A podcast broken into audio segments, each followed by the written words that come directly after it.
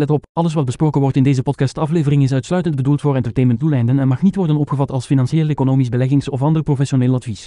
Bitcoin is een permissieloos veilig en gedecentraliseerd stuk code. De enige garantie met euro spaargeld is een verlies aan kopkracht. De enige garantie in crypto is het risico. Onthoud dat als u niet de eigenaar bent van uw privésleutels, u geen controle hebt over uw bitcoin.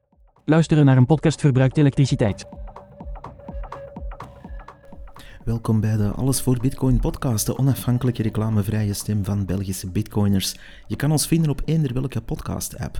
Op Twitter is het AVB, Podcast. Online kan je ons vinden uh, op allesvoorbitcoin.be. Daar staan ook de links naar de podcast zelf, de RSS-feed en uh, ja, vele basisafleveringen ook. En die staan dan weer bij elkaar op tinyurl.com slash avbbasics.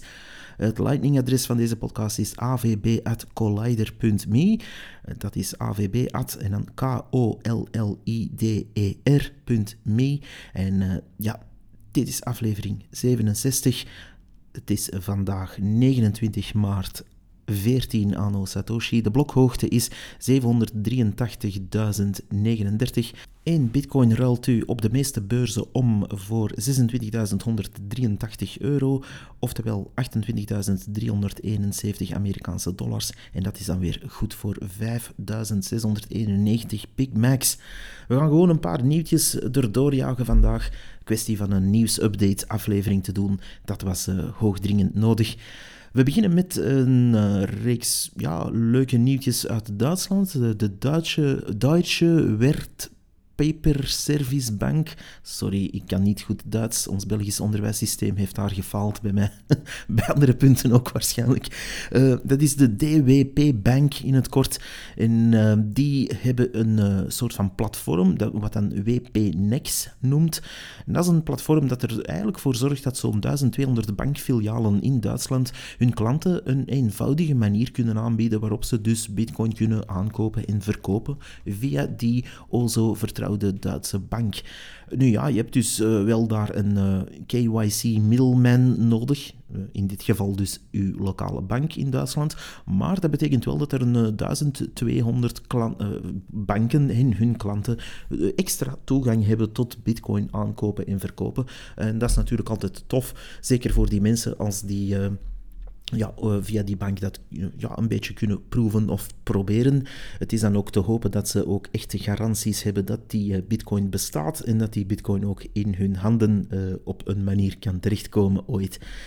Dat stond er niet bij. Ik vermoed dat ze natuurlijk nog steeds ja, volledig van die bank afhangen om ooit nog aan hun bitcoin te geraken. Maar hey, who knows. Het gaat eigenlijk via een, ja, een, een beleggingsfonds, had ik gelezen. Maar ja, je hebt natuurlijk niet je eigen keys dat is, uh, dat is wel heel zeker. Maar het is wel een extra toegang voor de retailmarkt. Um, een tweede nieuwtje. Onze goede vriend Michael Saylor van MicroStrategy is er opnieuw in geslaagd een mooie afbetaling te maken in zijn uh, leningen. Uh, velen hadden daar nogal kritiek op dat hij eigenlijk maar ja, voor zijn bedrijf Bitcoin op de balance sheet zette, uh, puur met geleend geld. Nu ja, dat is eigenlijk ook wel zo, maar hij lost die leningen toch wel in een razend tempo af. Um, hij had een uh, lening lopen, ik dacht van 2020, voor 205 miljoen dollar. En dat is in één keer terugbetaald. Um, en dat, uh, ja, dat had als onderpand Bitcoin. Dus uh, hij had 34.000 stuks bitcoin eigenlijk als onderpand daarvoor gegeven. En die lening werd twee jaar vroeger dan verwacht, of gepland. Normaal liep die af in 2025. Twee jaar vroeger wordt die dus nu terugbetaald. En hij heeft daardoor een ja, soort premium korting gekregen. En dat is een 161 miljoen dollar dat hij erop heeft betaald op die 205. Dat is een mooie deal. en Daarmee heeft hij natuurlijk meer dan 6300 bitcoin meteen kunnen kopen. En um, in totaal zit MicroStrategy, ticker MSTR, uh, op net geen 139.000 bitcoin op, uh, in kas eigenlijk op hun uh, balans. En ja, die man zal wel zeker zelf zijn eigen kies hebben, daar mag u van op aan. De Federal Reserve in Amerika natuurlijk, in de Verenigde Staten bedoel ik, die hebben een voorstelletje gedaan in een soort van working paper gereleased. Uh, en daarin ja, wordt eigenlijk uh, het is nu pas uitgekomen eigenlijk, het is geschreven in 2019, maar ondertussen is men daarop voort aan het borduren. En daar wordt eigenlijk letterlijk in gesproken dat men een vierde, ja, vierde nut heeft uh, aan geldgebreken. En men wil dat uiteraard via de CBDC's gaan uh, ja, afdwingen. En uh, dat extra nut is natuurlijk die sociale controle of social credit control. En dat wordt in die working paper haarfijn uitgelegd. En wat er daarna mee gebeurd is en ja, de werking daarvan en hoe ver dat staat, is niet uh, voor het publiek toegankelijk. Dus uh, ja, we kunnen daar alleen maar het ergste voor vrezen natuurlijk. Over social credit gesproken, de, ja, de Chinese National Oil Company, de NCO, nee, de CNOOC, en ook de Total Energies van Frankrijk, die hebben eigenlijk samen een, ja, een aankoop gedaan van vloeibaar aardgas. Nu, wat is daar bijzonder aan? Dat is de eerste keer dat er eigenlijk een internationale ja, beursverhandeling op die Shanghai Petroleum and Natural Gas Exchange, dus eigenlijk een beurs voor ja, olie en gas. En dat is de eerste keer dat er daar een trade wordt gedaan voor LNG, die uh, verkocht wordt door de Verenigde Arabische Emiraten en aan de andere kant wordt betaald, zowel door Frankrijk als China, in Chinese yuan. Dus uh, ja, blijkbaar heeft Total Energies de smaak te pakken van dingen niet in dollar te betalen, maar in Chinese yuan. Total Energies heeft dit ook al beaamd aan Reuters. En ja, dat is dus eigenlijk de eerste keer dat het niet in dollar werd betaald, wat was uh, eigenlijk de petrodollar, wat eigenlijk altijd de munt was om zulke uh, beurstransacties op dat uh, niveau te gaan doen. Het gaat hier over 65.000 ton um, vloeibaar gas. En ja, dat wordt aangekocht nu in de Chinese munt heel tof om zien natuurlijk, uh, of net niet tof voor de Amerikanen. Maar uh, ja, we zien dus daar een shift gebeuren, stilaan, dat er uh, ja, een internationaal robbertje wordt gevochten over de hegemonie over onze olie- en natural resources trades. En dat dat stilletjes aan naar de Chinese munt begint te schuiven niet toevallig ook een Chinese munt die aan hun onderdanen en de werkers en de, ja, laat ons zeggen, de low-level mensen een mooie CBDC in de maag heeft gesplitst. Waardoor we natuurlijk eh, weer in dat Gosbank-verhaal zitten, een twee-tier systeem waar de top uh, ja, even goed geld kan bijverzinnen en waar de gewone mensen allemaal ja, overhandigd worden aan een social credit en uh, permissie-jeton-systeem. Europa is hier duidelijk nota aan het nemen en uh, ja, het kan niet zijn dat dat gemist wordt bij de ECB, zulke zaken. Dus voor de eerste keer is er zo'n trade gebeurd in Chinese yuan vanuit Frankrijk. Um, over Frankrijk gesproken, er zijn natuurlijk weer een paar banken in de problemen. Dat is bijna een uh, wekelijks item aan het worden. De Société Générale, BNP Paribas en HSBC, die hebben allemaal een uh, mooie huiszoeking gekregen in zaken ja, een fraudedossier waarbij natuurlijk een slordige 11 miljard euro zou zijn, uh, laat ons zeggen, ontweken op taxgebied. Uh, ze hebben natuurlijk hun rijkere klanten op een manier de, de, de belasting op dividenden laten ontwijken, zodat ja, eigenlijk die banken ontvingen dat dividend eerst, betaalden daar dan uh, belasting op en dan gaven ze dat aan hun klanten. het was een heel raar schema. Ik snap er niet het fijne van, ik wil het ook niet snappen, dat is de, de fiat-wereld. Ze, ze vinden daar uh, genoeg uit om mee te schuiven. Uh, maar natuurlijk, ondertussen gebeurt dat wel allemaal in Europa. En uh, ja, krijg je kritiek wanneer je bijvoorbeeld 100 euro aan dividenden krijgt als kleine jongen, of 100 euro aan bitcoin zou hebben, dan ben je een boef, dan ben je een, een, gevaar voor de maatschappij waarschijnlijk. Maar wanneer je natuurlijk 11 miljard euro achterover drukt, en uh, een ronkende titel hebt bij BNP Paribas, dan is het allemaal dik oké natuurlijk. Nu, ja, dat waren eigenlijk de nieuwtjes. Nu, we zien wel een aantal rare zaken ook hier gebeuren in zaken Bitcoin en de berichtgeving. Vanmorgen nog bijvoorbeeld was er een, uh, een meneer aan het woord bij de inspecteur. Uh, dus een of ander Radio 1 of 2 programma, ik weet het niet, ik luister nooit naar die dingen. Maar ik kreeg dat door van iemand die nog wel in die Fiat-wereld zit en elke dag als een Fiat um, mind slave uh, in zijn auto naar dat soort uh, zooi zit te luisteren. Um, ja, dat is nu eenmaal zo. Mensen, uh, mensen werken en zetten wel eens de radio op. En dan krijg je zo'n dingen door je oren gejaagd. En ja, dat, men liet men daar toch wel iemand aan het woord die uh, er prat op ging dat crypto, want het ging natuurlijk niet over bitcoin, maar het was een uh, cryptomunten-enthousiast. En die, uh, die meneer die, uh, ja, die vond het eigenlijk nodig om ook nog een boekje te promoten en daarbij te zeggen dat het natuurlijk allemaal heel tof was om uw crypto-rekening als spaarrekening te zien. En ik wil toch even meegeven, ik vind dat van dat programma De Inspecteur, die toch normaal... Um, wanneer ik daar iets over hoor, toch redelijk goede info hebben. Ik vind het eigenlijk wel beschamend. U hebt hier eigenlijk een persoon die god weet waar vandaan komt aan het woord gelaten, die, laat ons zeggen, vermoedelijk geassocieerd is met een, uh, een groepering van een bepaalde academie, die dan ook hun boekje nog eens even langs de neus wegkomen uh, ja, promoten en chillen. Dat is niet alleen beschamend voor dat uh, radioprogramma, maar ook wat voor info werd daar meegegeven. Er werd eigenlijk meegegeven van, die man zei, ja, maar ik ben een gokker, ik ben een gokker en ja, je moet crypto een beetje zien als je spaarrekening. En... Kom aan, mensen. Dit, dit is niet meer serieus. Je gaat hier eigenlijk zeggen van, kijk, één op de tien gezinnen zou... Ik weet niet waar die cijfers vandaan komen, maar goed, we zullen die dan maar geloven. Um, zou in crypto investeren of uh, crypto bezitten op een of andere manier. Dat wordt dan heel breed getrokken. Er wordt nooit bitcoin vernoemd. Uh, dus ja, het kan even goed zijn dat, dat mensen zijn die Cardano of Ethereum of andere zooi of promise coins of andere rotzooi en scams hebben. Dus dat wordt allemaal op één, uh, één hoop gegooid door de inspecteur. Ik dacht dat die mensen toch iets uh, diepgang hadden, maar blijkbaar dus niet. En ja, men laat daar dan iemand aan het woord die eh, er prat op gaat om crypto in het algemeen als een spaarrekening te gebruiken. Ja, ten eerste wens ik die man veel geluk toe met in het crypto-casino een of andere token of uh, shitcoin te hebben en dat als spaarrekening te gebruiken. Dan denk ik dat je zelfs nog beter af bent bij de banken in fiat. Maar goed, maar uh, los daarvan geef je ook de boodschap mee dat het allemaal wel tof is om uh, daarop te gokken. Want die man zei dus letterlijk: Ik ben een gokker. En dat is, uh, dat is eigenlijk wel jammer dat die boodschap wordt meegegeven. Ik denk dat er, als er effectief 1 op de 10 gezinnen crypto-investeringen hebben, dat er daar een flink aantal gewoon in bitcoin van zitten. In ja, mindere aantallen of meerdere aantallen qua holdings.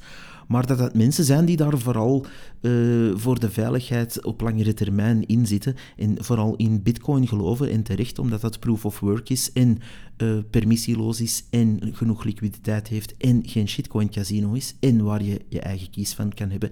En niet afhangt van admin kies van een of ander louche project.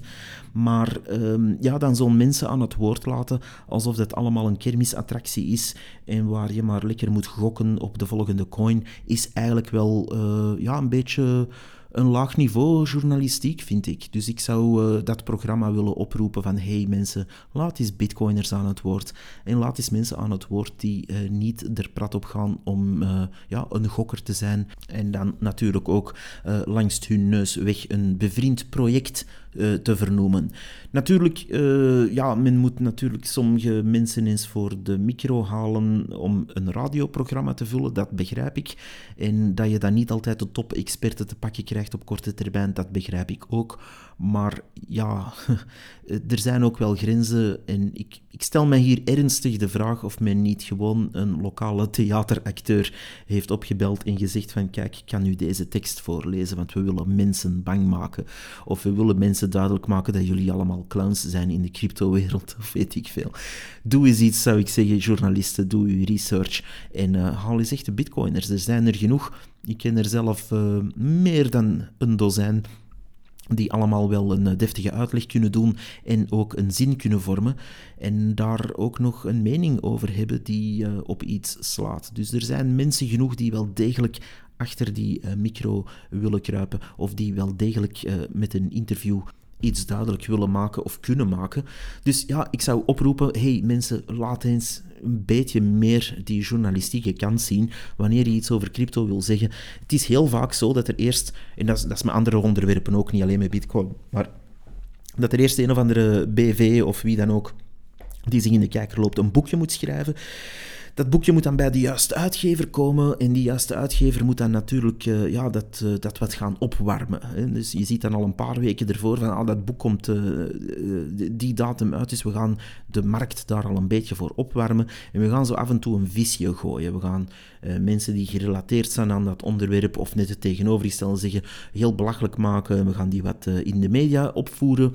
En dan, dan komt hetgeen dat we eigenlijk echt willen vertellen van kijk eens, onze vriend hier heeft een boekje geschreven. Nu, waarom vernoem ik dat project niet en waarom vernoem ik dat boekje en die auteur niet? Omdat het ook uh, niet de moeite is. In die, in die zin, uh, dit zijn mensen die zich heel graag in de kijker lopen en die was zo, zoals steeds eerst wel tien minuten over bitcoin iets kunnen zeggen dat dan nog half en half relevant is, om dan meteen hun projectjes, hun tokens, hun shitcoins, hun schema's, hun multi-level marketing, Web3 bullshit te chillen. En we zijn dat beu. Uit de Bitcoin-wereld kan ik zeggen dat iedereen dat echt spuug, spuug zat is. Dit zijn geen bitcoiners, dit zijn geen mensen die echt in bitcoin zitten voor de juiste redenen, of die daar genoeg van weten of daar echt achter staan. Die zien ook de bitcoin-standaard niet zitten, uh, of niet echt. Die zitten gewoon te wachten tot ze een of andere token kunnen uitcashen. Lekker cashen, zeggen ze dan. Dat, kom aan mensen, dit, dit gaat daar niet over. Als je wil gokken, kan je naar een casino gaan, kan je daar uh, al je spaarcenten op eender welk nummertje op de roulette zetten, doe maar. Uh, dat is ook helemaal gereglementeerd en daar kan je dan naartoe gaan.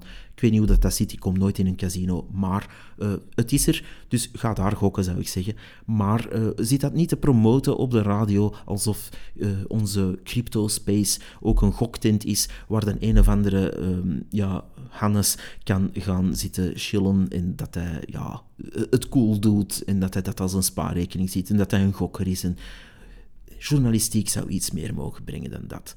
Leg bijvoorbeeld eens uit dat Bitcoin het wapen is om op lange termijn tegen inflatie te vechten. Leg eens uit dat Bitcoin um, permissieloos is, waar u echt uw bezit voor de eerste keer in de geschiedenis echt in handen kan hebben door gewoon een code of een, een hoop keys um, te hebben dat het echt, echt van u is. En dat het ook niet tastbaar gewoon kan afgenomen worden fysiek. Leg zo'n dingen eens uit. En dan zit je niet meer in de goktent. Dan zit je bij mensen die filosofisch en financieel en ook op lange termijn gaan met iets bezig zijn dat nut heeft voor de maatschappij.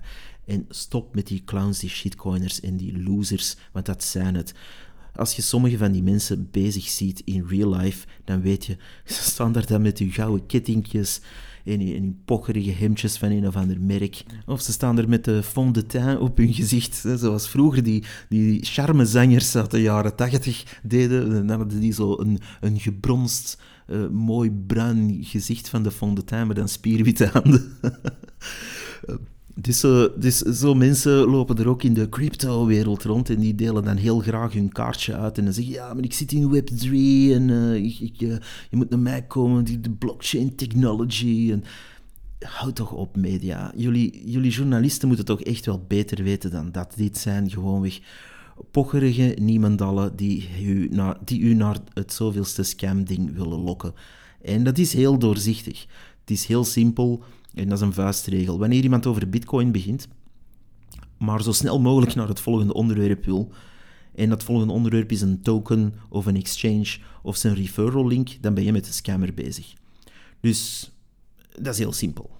Dus men begint, ja, bitcoin is super knap en ja, blockchain technologie is super knap, maar ja, bitcoin is eigenlijk traag. Hè? Ja, je, je, je kan veel beter met project X, Y, Z werken, want het is super veel sneller. En, uh, wacht, ik heb daar een referral link voor. Hier, uh, klik er maar op en krijg de 10%. Hè, en ik ook. En dan, oh, uh, stap ermee in, X, Y, Z, dat gaat naar de maan gaan. Hè? Dat is super. en alle banken gaan dat implementeren. Dat is de stijl. En dat soort mensen komt op de radio. Dat soort mensen mag op de radio komen zeggen dat ze een gokker zijn en dat ze crypto als um, spaarrekening zien. En ik word daar boos van en vele bitcoiners worden daar boos van. Want dat is eigenlijk een zeer makkelijke manier van journalistiek doen. En ja, je zet de deur open voor misbruik en dat is misschien wel de bedoeling. Men heeft blijkbaar graag dat Jan met de pit, die s morgens op het werk uh, aankomen of op weg zijn nog uh, en in de file staan en naar dat programma luisteren, dat die blijkbaar denken van, oh, oh, als die meneer op de radio zoveel geld kan verdienen, wat ze dan denken, dat is helemaal niet waar meestal, um, dan, uh, dan kan ik dat ook. Hè. Dan ga ik ook eens zo'n token kopen. Hè. En dan, dan ga ik eens even kijken op DPG Media of dat ze daar ja, niks van weten. En dan, ja, na een tijd vinden ze dan een of andere token en ja, ze, zijn bekend. Hè. Uh, diegene die ze vooruit duwen, um, de projecten zijn bekend. Ik ga de namen niet noemen, want er zijn er zelfs mensen die te dom zijn om dat te beseffen en dat dan nog gaan kopen ook. Dus we gaan ze niet noemen.